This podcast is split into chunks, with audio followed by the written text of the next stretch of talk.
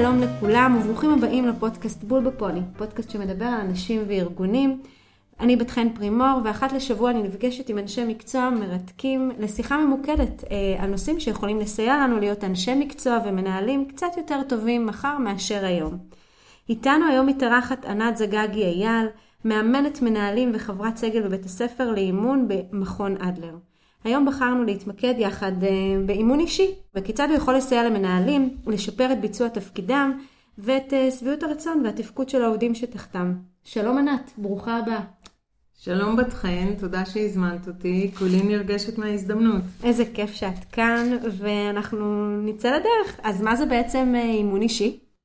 אז האימון זה תהליך מאוד מאוד ממוקד, שבו בעצם בן אדם אומר איפה אני רוצה להיות. מה התמונה המיטבית של חיי. ברגע שאני יכולה לדמיין את עצמי בעוד חמש שנים שאני במקום שאני אומרת, הגעתי, זאת ההתחלה. ברור לי לאן אני שואף. משם עולה כמובן הנושא שאם אני אתחיל לקדם אותו כבר עכשיו, הוא יהיה הכי משמעותי בלהגיע למקום הזה.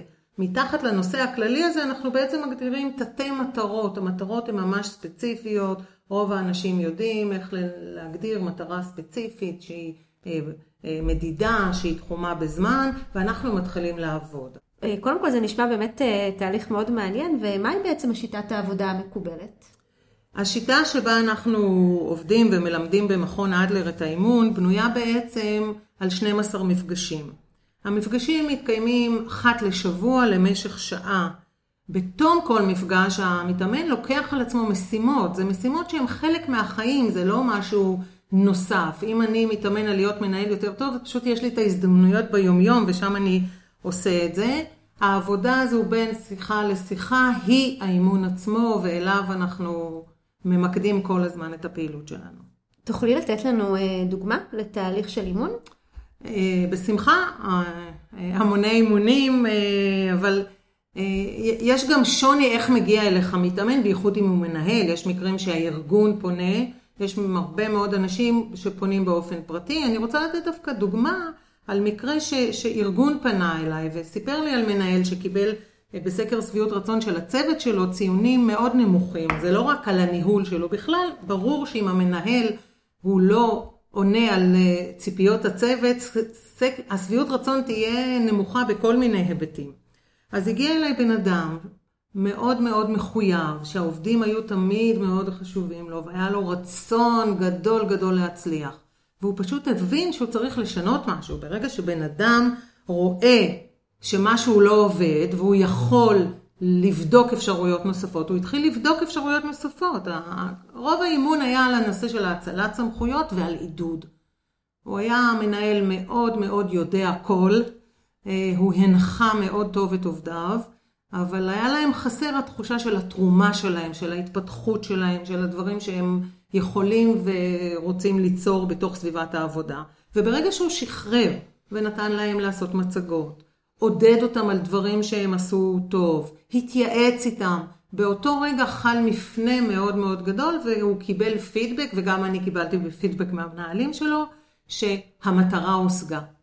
ולכן אני כל כך מאמינה בכלי הנפלא הזה. נשמע תהליך מאוד ממוקד ובר תוצאות מיידיות. אז, אה, אז מה הם בעצם הדגשים המרכזיים בתהליך האימון? אמ, הדגש המרכזי הוא אה, שהאחריות היא אצלנו, זאת אומרת שהאדם הוא המומחה לחייו, שביכולת שלו לשנות את מה שהוא יבחר, כמובן בעשייה שלו.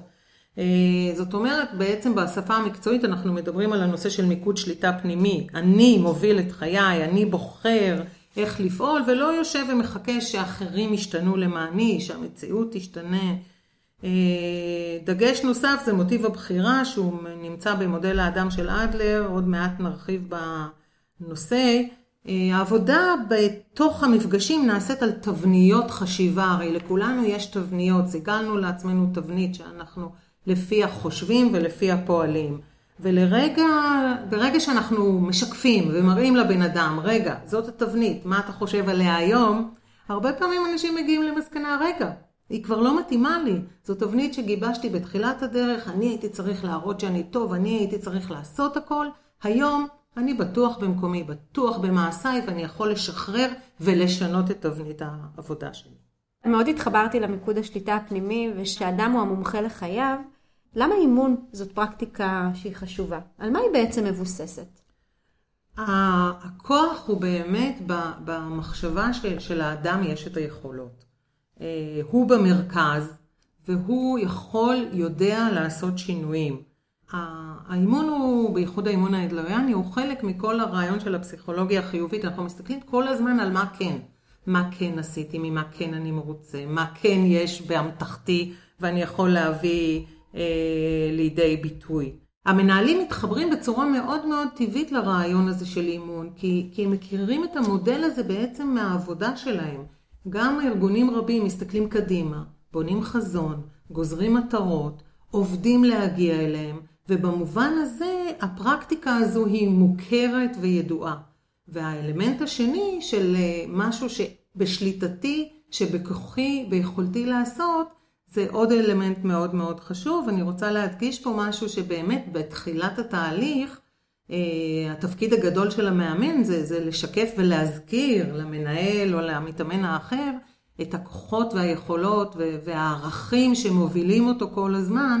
ברגע שהוא מחובר לזה, יש לו גם את האומץ להתחיל במסע הזה ולעשות את השינוי. את יודעת, עם השנים אני שמתי לב שהדרך אה, לדעת אם אתה או מישהו מהעובדים שלך באמת אה, צריך אימון, זה דרך עיקרון התקיעות.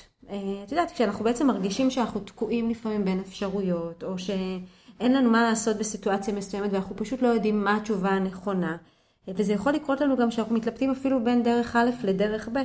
ואני חושבת שזה סימן שהוא מאוד מאוד מאוד מאוד חזק, שמישהו באמת יצטרך שישאלו אותו את השאלות האלה, שאלות שיאתגרו אותו. אה, כחלק מתהליך האימון, מה הכי היית רוצה לעשות, או מה מגביל אותך לעשות את זה, או שאם היה לך מחר מטה קסמים, מה היית יכול לעשות אחרת? מה באמת העקרונות אה, של גישת האימון האדלריאני? אז קודם כל נורא אהבתי את מה שאמרת, בעצם דיברת על לשאול שאלות. ובאמת התפקיד המרכזי של המאמן הוא לשאול שאלות. אני לא יודעת מה נכון למתאמן שלי. אבל בדרך שאני שואלת, אני משקפת לו תבניות חשיבה, אני משקפת לו התנהגות, אני משקפת לו אפשרויות נוספות, ועל ידי השאלות האלה הוא בוחר. אז באמת המרכיב הראשון והחשוב שהוא אדלריאני זה נושא הבחירה. אה, וכשבן אדם דבר ראשון בוחר לבוא לתהליך הזה. או בוחר את הנושא שעליו הוא רוצה לעבוד, או בוחר מהם הדרכים השונות שהוא רוצה ליישם בעבודתו, יש לו מחוברות, תחושת מסוגלות, זה שלו, לא באו וכפו את זה עליו. אה, דבר נוסף, מרכיב מאוד מאוד חשוב בכל התהליך הזה, זה הנושא של עידוד. אה, לשאול שאלות זה חלק אחד, אבל החלק הנוסף שבונה פה את המסוגלות של הבן אדם זה העידוד. אצל אדלר נושא העידוד הוא נושא גדול ומרכזי. אדלר עושה הפרדה בין שבח לעידוד. הרבה מאיתנו יודעים להגיד לעובד, עשית טוב, אני מרוצה ממך. אבל עדיין זה לא אומר לו כלום. זה לא חודר. זה לא חודר, וזה לא אה, מספיק ספציפי למה, אם אני אמשיך לעשות, זה אומר שאני ממשיך לעשות טוב. לעומת זאת, בעידוד אנחנו מאוד ספציפיים, ואנחנו נגיד אומרים, הדרך ששיתפת פעולה עם מחלקת מכירות בתהליך הזה, זה שיתוף הפעולה שאני מצפה אה, בקבוצה שלנו. זאת אומרת, גם להיות מאוד ספציפיים על מה אני מעודד, על מה הוא עשה, כמו שאני מצפה, וגם להראות את התרומה. באמת הנושא השלישי החשוב אצל אדלר זה נושא התרומה. אה, כשיש עובד שמעודדים אותו, אז התחושה שלו קודם כל זה שרואים אותו, שיש לו משמעות. כשהוא מרגיש שהוא אה, אה, תורם, אז הוא בעל ערך. אה, דבר נוסף, אני, חשוב לי לציין על נושא העידוד, זה שאנחנו מדגישים את הדרך, פחות מאת התוצאות. כי אנחנו רוצים לבנות מנגנונים שעובדים. אז אם שיתוף פעולה זה משהו שאני החלטתי לחזק בצוות שלי, אז אני אעודד על שיתוף פעולה. ברגע שאנשים ישמעו את העידוד הזה, הם יגידו, רגע, זה מה שהוא מתכוון כשהוא אומר שיתוף פעולה, על זה שהלכתי לישיבה כזו, אז יאללה, סבבה, אני אעשה את זה, מה הבעיה? זאת אומרת, הספציפיות מאפשרת בעידוד לחזור על זה ולהבין מה המנהל בעצם רוצה ממני. אני רוצה להעלות עוד סוגיה אחת חשובה שקצת נגענו בעקרונות האטריאנים, זה הנושא של שייכות. באמת, לפי אדלר, תחושת הערך שלנו כבני אדם בנויה על תחושת השייכות. ברגע שאני שייך, אני מרגיש בעל ערך. איך אני נותן לעובד הרגשה שהוא שייך. אני רואה אותו ואני מעודד אותו, אני מתעניין בו, אני נותן לו משימות, אני שומע לו, אני שומע את דעתו, מתייעץ איתו. אז כל הנושאים האלה של בחירה, של עידוד, של שייכות, הם חלק באמת מהעקרונות האדלריאניים והם באים מאוד לידי ביטוי בכל הנושא של אה, האימון האדלריאני. אני באמת אה, יכולה להתחבר לזה שאנחנו יכולים לראות בזה ולהפיק מזה כל כך מהר יחסית. ואני שמתי לב שיש באמת אה, מקרים שאנשים מגלים הרבה יותר פתיחות לתהליך האימון שלהם או לתהליך הייעוץ שלהם כשהם במעבריות מסוימת, אם הם מתחילים תפקיד חדש, או שהם עולים לדרג בכיר יותר, או שהזדמן להם באמת להוביל איזשהו פרויקט שהוא מאוד גדול מהם, ממה שהם עשו עד עכשיו, ושאין להם מספיק ניסיון בזה, זה באמת ככה דרך נהדרת בשבילם לבוא ממקום צומח, או שלחילופין זה יכול לבוא גם במצבים שהם קצת יותר מורכבים, אה, של משוב או פידבק שהוא יחסית אה, שלילי או ככה עוצמתי. היה לי לא מזמן אה, מנהל שהגיע אליי וביקש אימון, כי במשך שנתיים הוא קיבל פידבק מאוד מאוד קשה, והוא הבין שהוא צריך לעשות שינוי, והוא ממש נשלח לעשות חשבון נפש בעקבות המצב שהוא הגיע. אז באמת, איך אנחנו יודעים, ענת, אה, למצוא לעצמנו את המאמן שאנחנו צריכים? אז א', שוב פעם שמת את האדם במרכז ואהבתי את זה. זאת אומרת, הוא מחליט. הוא מחליט, ואם אני כמנהל חושב, המנהל של המנהל חושב שהוא צריך אימון, זה עדיין מאוד מאוד חשוב למצוא את הסיטואציה ואת ההזדמנות שיש סיכוי שהוא ירצה. יש אנשים שתמיד ירצו ויש אנשים שיש להם יותר התנגדות. ואהבתי את זה שהיא בעצם אמרת, בואי נקשיב קודם לבן אדם, שזה יבוא ממנו, נמצא את ההזדמנות. אז לגבי הפרמטרים, אמ, קודם כל חשוב שזה יהיה מישהו שמשהו בהיסטוריה שלו, בדברים שהוא כבר עשה, אה, בתולדות החיים שלו, מדבר אליך ואומר, רגע, יכול להיות שיש פה משהו שמתאים ויש לו מה לתת לי. אנחנו באדלר אה, מאוד מאמינים בנושא של ההכשרה, ואני אישית בוודאי. אה, אנחנו עכשיו מקיימים קורס של אה, אימון למאמנים, להיות מומחים, התמחות בנושא של אימון מנהלים. כי המחשבה היא שלא מספיק שיש לי ניסיון, אלא יש תחומים מסוימים שאני אתמחה בהם ואבוא עם הרבה יותר כלים ויכולות. אבל הדבר החשוב מאוד זה לראות שהבן אדם למד, במוסד מוכר וממשיך להיות מוכר. זאת אומרת, יש לנו גם את לשכת המאמנים הישראלית וגם את ארגון ה-ICF העולמי, שהם ממשיכים אה, להכיר את הבן אדם כמאמן ומסתכלים על הלמידה וההתפתחות שלו לאורך השנים. זה לא מספיק שלמדתי, אני כל שנה צריכה איזשהו... אה, מספר קורסים כדי להראות שאני מאמן צומח, לומד, מתפתח. אבל הדבר המאוד מאוד מרכזי זה, זה כימיה. נכון, לגמרי. אה, זאת אומרת, אני ממליצה מאוד לעשות פגישה עם הבן אדם אה, ולהגיד לעצמי, זה, זה נעים לי איתו, זה מתאים לי, אני מרגיש משהו ב vibe שעובד בשבילי, ואם כן, לכו על זה, אני כמעט בטוחה שתעשו עבודה מצוינת. עד עכשיו דיברנו על אה, בחירת מאמן שהוא באמת מוסמך ו, ויש אה, תזה אה, היום שאומרת ככה בשוק העבודה שהיום אה, מנהלים הם יותר ויותר הופכים להיות מאמנים עבור האנשים שלהם. במיוחד בעת הנוכחית שאנחנו נמצאים בה, שיש בה המון תחומי ידע. שהתחומי ידע הם מאוד מגוונים ושונים והם משתנים, ובאמת אף מנהל שאני רואה בשוק היום לא באמת יודע לתת את כל התשובות. גם לא האדם שנמצא מולו בצוות, הם לא יודעים לתת את התשובות ב-100%, ואני חושבת ש... בהגדרה, היום מנהלים אה, צריכים לדעת לתת אה, איזשהו סוג אחר של תמיכה לאנשים שלהם. שזה יכול לבוא, כמו שדיברנו לפני כבר, על שאלת השאלות.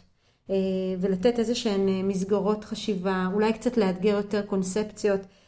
וזה באמת איזשהו שינוי, באמת, מהמעלה השנייה בקרב מנהלים, כי בסוף זה מאוד מאתגר גם את היכולת להתבונן על הסמכות שלהם בתוך הארגון. בדרך כלל מנהל מאוד מזוהה כמישהו שהוא באמת בעל מקור הידע, הוא זה שאליו פונים ונותן תמיד את התשובה, אה, וזה מביא אותו באמת למקום אחר, למקום שבואנה, לא תמיד אני יודע את התשובה, בוא נשאל את השאלות יחד, בוא נשאל על זה לילה. בוא נדבר, בוא נראה מה אנחנו צריכים כדי להחליט את ההחלטה הזאת. וזה דברים שבאמת מנהלים לא מורגלים לעשות אותם. אה, אז איך המנהלים שככה שומעים אותנו, כי דיברנו הרבה לאנשי המקצוע ובאמת אה, מיקדנו את המיומנויות, איך המנהלים שבאמת שומעים אותנו עכשיו אה, יכולים לעזור לאנשים שלהם? ניסחת את זה מאוד יפה, זאת אומרת העולם הוא כל כך עשיר ומלא סוגיות, והציפייה שלי מעצמי אולי לענות על כולן היא, היא כבר פחות ופחות אקטואלית. אז יש פה שני רבדים, אבל הרובד הראשון שאני רוצה לדבר עליו זה בכלל על התפיסה שאני כמנהל אחראי על ההתפתחות והצמיחה האישית והמקצועית. אני אחראי על תחושת הערך שלהם, אני גם אחראי על היחסים בתוך הצוות שלי. כשהמנהל מבין שהתפקיד שלו הוא זה, להצמיח, לפתח, לעזור, אז הצוות יוצא מורווח, תחושת השייכות גדלה, וברור שהתפוקות בהתאם. כל המחקרים מראים שהסיבה המרכזית להישאר במקום העבודה זה המנהל הישיר. הוא הגורם המשפיע, הוא משפיע על היומיום שלי. וכשיש לי מנהל שרואה אותי, נותן לי משימות, מבין במה אני טוב, מכוון את המשימות לחוזקות שלי, מאפשר לי להרגיש שם טוב, צומח, מתפתח, אז זכינו.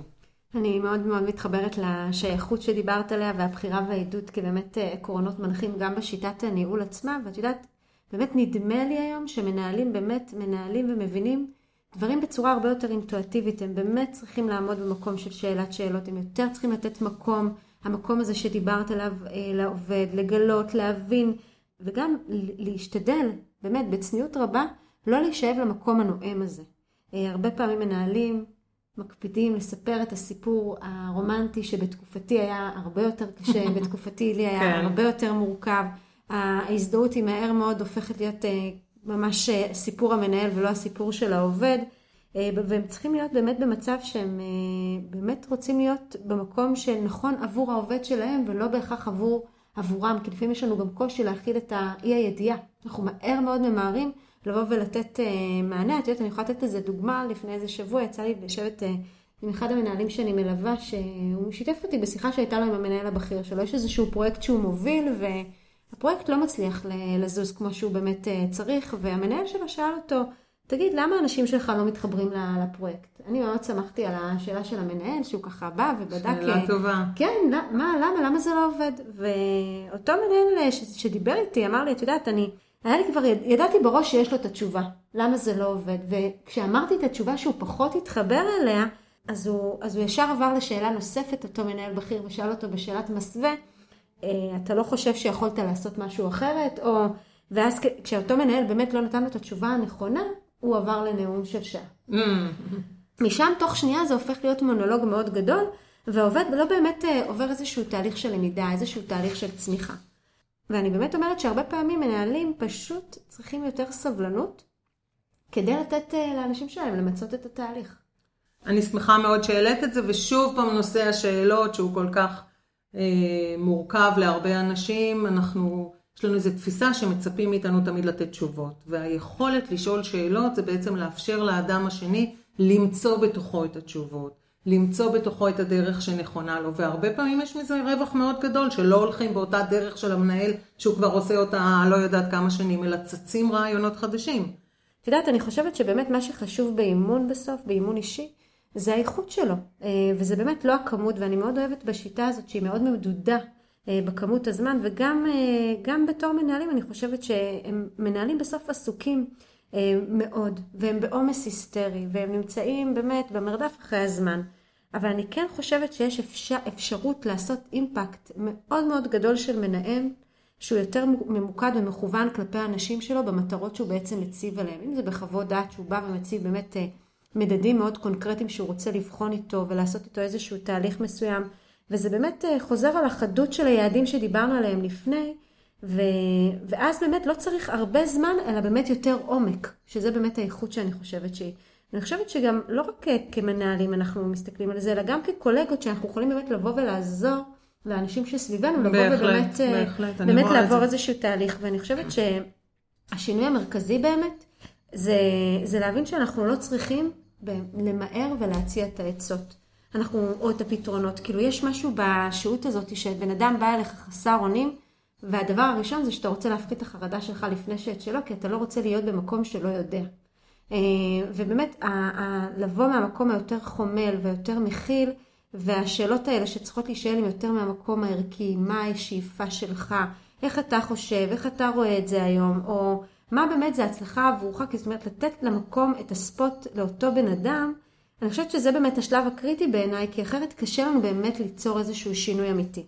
כי מהר מאוד אנחנו נשאבים אה, לסוגיות יומיומיות, ואנחנו אולי מקבלים באמת כלים טובים, אבל זה לא באמת משהו שאנחנו באמת אה, מפנימים אותו אה, ומצליחים להביא את זה לשינוי גדול. ואני חושבת שרק כשהיעדים האלה יושבים לנו טוב, ואנחנו באמת אה, מתחברים אליהם ומבינים אותם, אז אנחנו יכולים להתנסות בהתנהגויות, אנחנו יכולים לבדוק אה, טקטיקות שונות שיכולים לסייע לנו, לסייע לנו להמשיך ולתרגל את השינוי שאנחנו רוצים להוביל אותו. וגם לעשות אה, שינוי במה שלא עובד. אני, אני מאוד אהבתי באמת את מה שאמרת, להתנסות בהתנהגויות, זה בעצם מה שאנחנו עושים באימון. אני אומר, רגע, זה לא עובד, עכשיו אני אתנסה במשהו אחר, יכול להיות שזה יניב את התוצאה הרצויה ככה מיד, אבל יכול להיות שנצטרך לשבת עוד פעם ולחשוב, שנייה, זה לא בדיוק הביא את מה שאני רוצה, ונחשוב על אפשרויות נוספות, ונצא לשטח במשך השבוע, הוא יבחן עוד דברים. זה המהות של אימון. תוכלי לתת לנו איזושהי דוגמה אה, לתהליך אימון שהוביל לשינוי ארגוני? בכלל, סמנכ"ל שהגיע אליי באופן פרטי, ודרכו הגעתי לארגון, ובעצם הרעיון היה להכניס את נושא העידוד top down. כל הסמנכ"לים עברו, כל אחד מהם אימון אישי, שבו הם למדו בכלל מה זה עידוד, איך עושים את זה, ולקחו על עצמם משימות להתחיל לעודד את הצוות שלהם, שאין ספק שזה אחד הדברים ש, שפותחים הרבה מאוד אפשרויות, כי כשאנשים מרגישים מעודדים, אה, encourage, יש להם את ה-courage לעשות דברים, להציע רעיונות ולעשות שינויים. בנוסף לזה, תמכנו את התהליך על ידי זה שעשינו סדנאות לכל המנהלים בנושא של ה-review השנתי.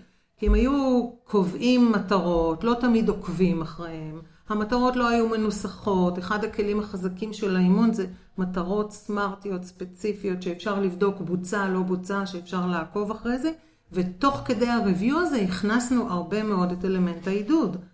בקיצור, גם כשהלכנו דרך ההנהלה עם נושא העידוד, וגם כשבתוך הריוויו השנתי נכנס קביעת מטרות שאפשר יהיה לעודד עליהן, כולל עידוד, אה, התרחש אה, שינוי מאוד מאוד גדול, שגם כן הרבה מאוד תרם למחוברות הארגונית של האנשים בארגון הזה. את יודעת, זה נורא מעניין מה שתיארת, כי תיארת פה באמת תהליך ש... שהתחיל מהפרט אל הכלל ו... ויצר איזשהו modeling, אה, שהוא modeling תרבותי ארגוני, ובעיניי זה, זה באמת מקסים, ואת יודעת, אני שמתי לב, ואני גם יודעת שמחקרים תומכים את זה, שמנהלים שמצליחים הכי הרבה באימון אישי, הם, הם באמת מצטיינים. אה, בלדעת שהם לא הכי מתאימים לכל דבר.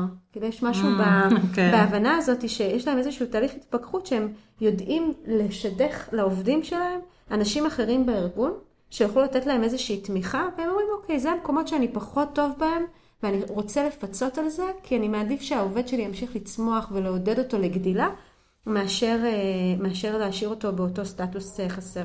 והמנהלים האלה באמת יודעים להכיר בכך שהם לא כל כך טובים בהכל.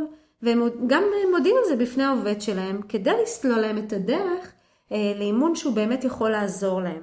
זה, זה, זה, זה נורא מעניין שאת מציינת את הדבר הזה של אה, מנהל ש, שמשנה את התפיסה שלו ואומר, רגע, אני לא צריך לדעת הכל. ומאפשר לעצמו לא לדעת הכל. כי זה פותח המון אפשרויות, אפילו האפשרות הבסיסית של האצלת סמכויות, שאני אשאל את עצמי כשמגיעה משימה, מי עוד בצוות יכול לבצע את זה.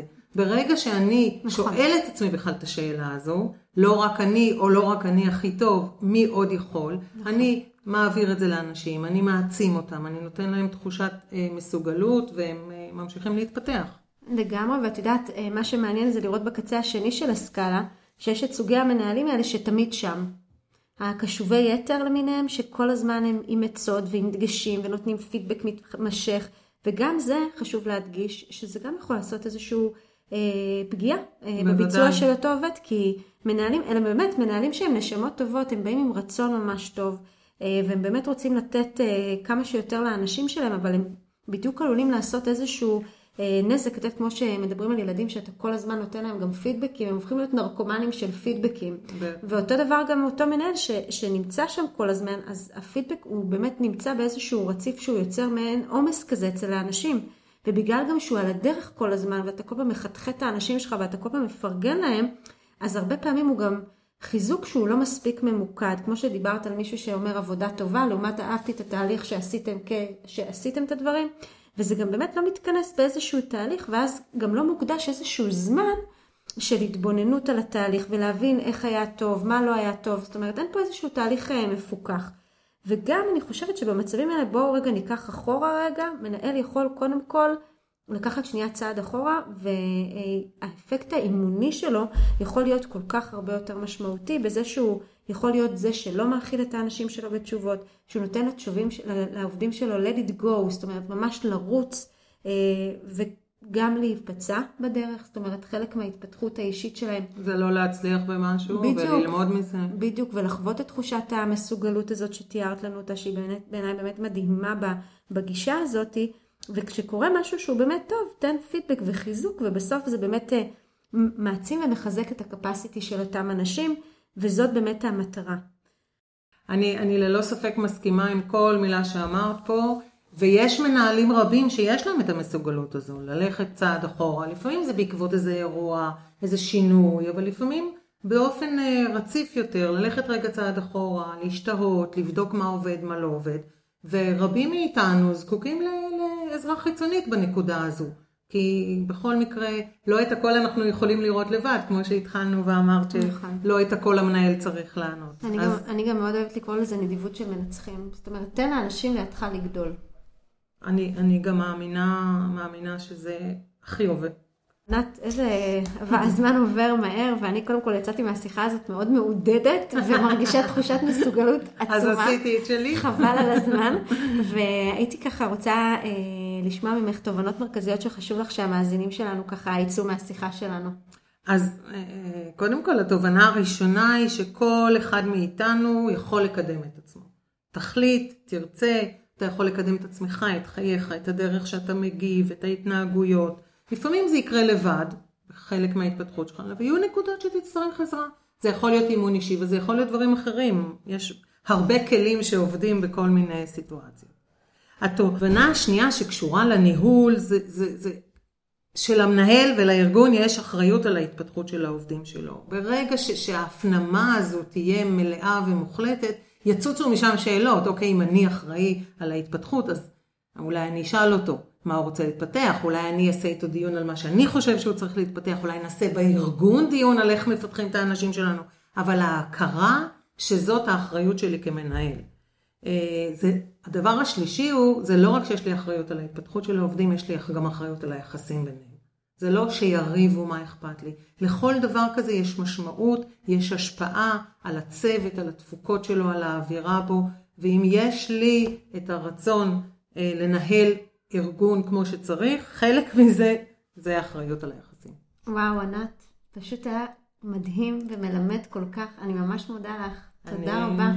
מודה לך על ההזדמנות אה, לדבר על הנושאים שכל כך בוערים בי. איזה כיף. תודה, להתראות.